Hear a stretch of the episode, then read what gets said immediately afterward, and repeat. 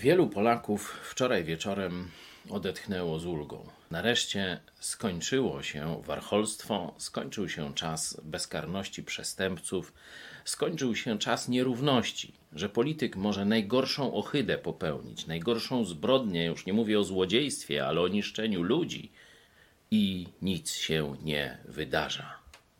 Wreszcie przestępcy poszli siedzieć. Ludzie zaczynają się cieszyć. Myślę, że to jest początek wielkiej zmiany, ponieważ Biblia taką zmianę ogłasza. Otwórzcie sobie Księgę Przysłów, 28 rozdział, ostatni werset. Gdy grzesznicy są górą, ludzie się kryją, a gdy giną, mnożą się sprawiedliwi. Czyli sprawiedliwe wyroki na przestępców to jest wielka zachęta dla ludzi. To jest, można powiedzieć, nowa nadzieja dla społeczeństwa. Liczymy, że Polacy zaczną się zmieniać w tym właśnie kierunku.